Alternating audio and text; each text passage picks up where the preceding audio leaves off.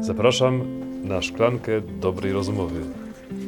W niedzielę poprzedzającą bezpośrednio uroczystość Narodzenia Pańskiego mamy Ewangelię o zwiastowaniu. Maryja zmieszała się na słowa anioła. Była mm, zdziwiona, tak to oddaje polskie tłumaczenie. Natomiast w oryginale mamy czasownik, który użyty jest również do opisu trzęsienia ziemi. Więc Maryja, gdyby tak to całkiem dosłownie przetłumaczyć, przeżyła trzęsienie ziemi. Jak to zrobić, by kiedy w naszym życiu pojawi się trzęsienie ziemi, przyjąć wolę Bożą? W ogóle jak rozpoznać wolę Pana Boga w naszym życiu? Moi kochani, niedaleko stąd yy, mieszkał, swoją dzieci, młodość, dzieciństwo spędzał ojciec Joachim Badeni, przyszły dominikanin, syn arcyksięcia Karola Olbrachta Habsburga i jego żony arcyksiężnej Alicji, y, który y, był no, człowiekiem mającym świat u stóp.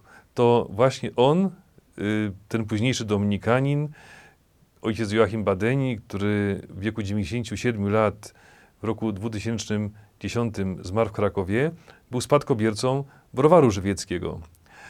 Moi kochani, był studentem prawa, ukończył prawo na Uniwersytecie Jagiellońskim przed wojną w 1937 roku. Bardzo wysoki, postawny, miał niesamowite powodzenie u dziewcząt, y, był y, niesamowicie inteligentny, no i prowadził tak jak hrabia, y, którego stać na wszystko, mm, bez specjalnych hamulców, bardzo lekkie życie. Pewnego razu przechodzi obok figury Matki Bożej Ludzkiej gdzieś w Krakowie. Jak to potem sam w szczegółach opisywał, nagle czuje, że ktoś kładzie mu rękę na plecach. Dokładnie mówi o tym, y, że nie na wysokości barku, ale gdzieś na wysokości łopatki. I był to taki gest, który jakby chciał go gdzieś pchnąć, gdzieś poprowadzić. I w tym momencie sam nie wiedział dlaczego, zaczął szukać kościoła. I mówi jeden kościół zamknięty, drugi zamknięty. Pierwszy kościół otwarty to kościół Dominikanów. Wchodzi, idzie na rozmowę z Dominikaninem i tam y, jeden z ojców y, słyszy to, że został skierowany w dziwny sposób.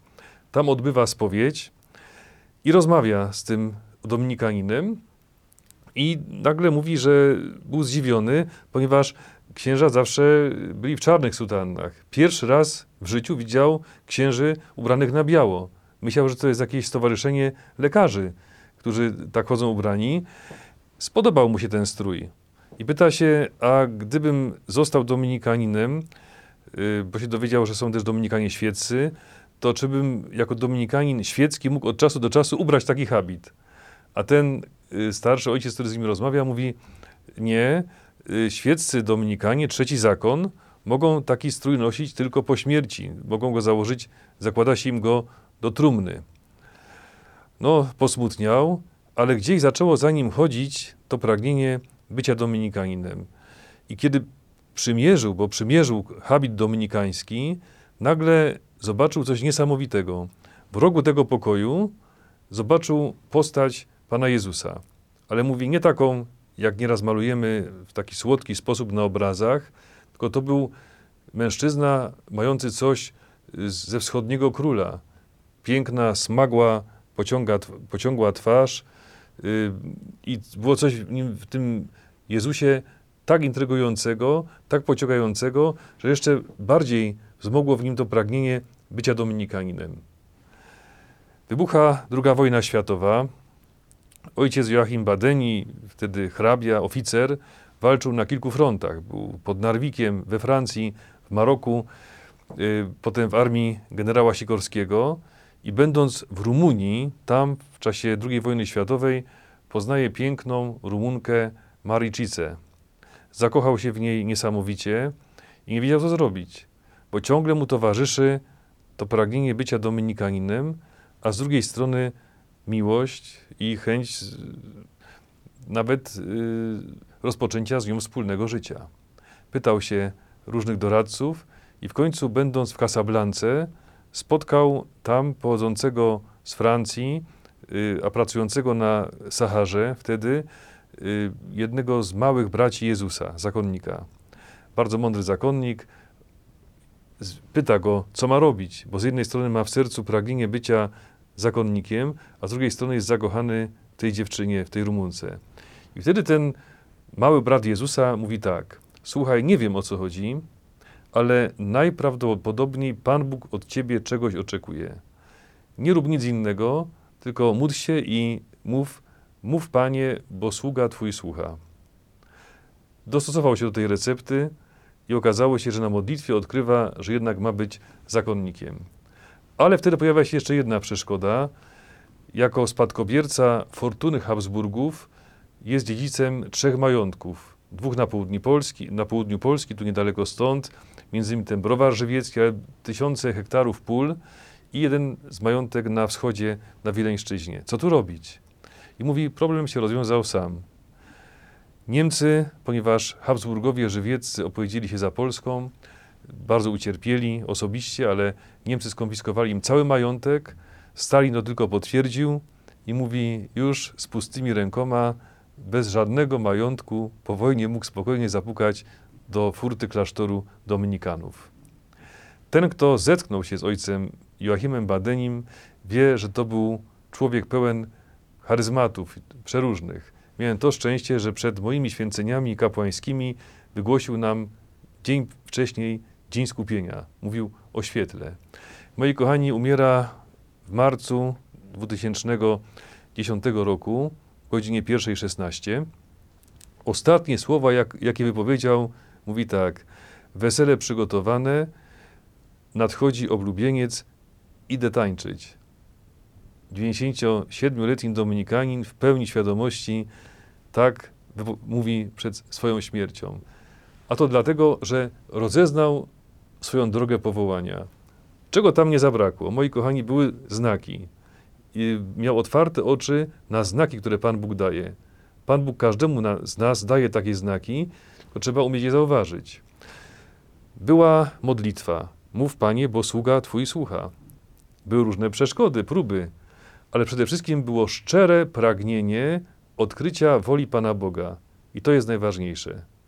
Tego nie zabrakło Matce Najświętszej i to było bardzo obecne w życiu ojca Joachima Badeniego, a w tym momencie trwają przygotowania do jego procesu beatyfikacyjnego. Cieszymy się tutaj jako mieszkańcy diecezji bielsko-żywieckiej, bo byłby to kolejny święty związany z jakoś z naszą diecezją, a mamy już bardzo wielu. Moi kochani, ale są też przykłady y, niewłaściwego rozeznawania woli Bożej. Mogą być tutaj pozory dobra. Jest taka kapitalna książka Bóg Niespodzianek, napisana przez szkockiego jezuitę y, i w tej książce y, jest bardzo wymowny, ciekawy przykład.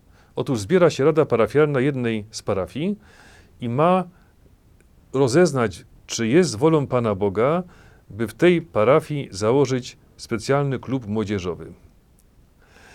Y, Proboszcz, ksiądz Simpson, jest zdecydowanie przeciwko. Pani dyrektor miejscowej szkoły jest za. Miejscowy polityk jest również za tym klubem. Y, Kolejna y, osoba, pani Brown, jest przeciwko i miejscowy księgowy również jest na nie. Wydawałoby się normalne rozeznawanie, y, rozmowa, ale teraz jezuita, autor tej książki, odkrywa motywy, jakie towarzyszyły poszczególnym osobom. Otóż ksiądz proboszcz Simpson jest bliski, przeczuwa, że może zostać biskupem.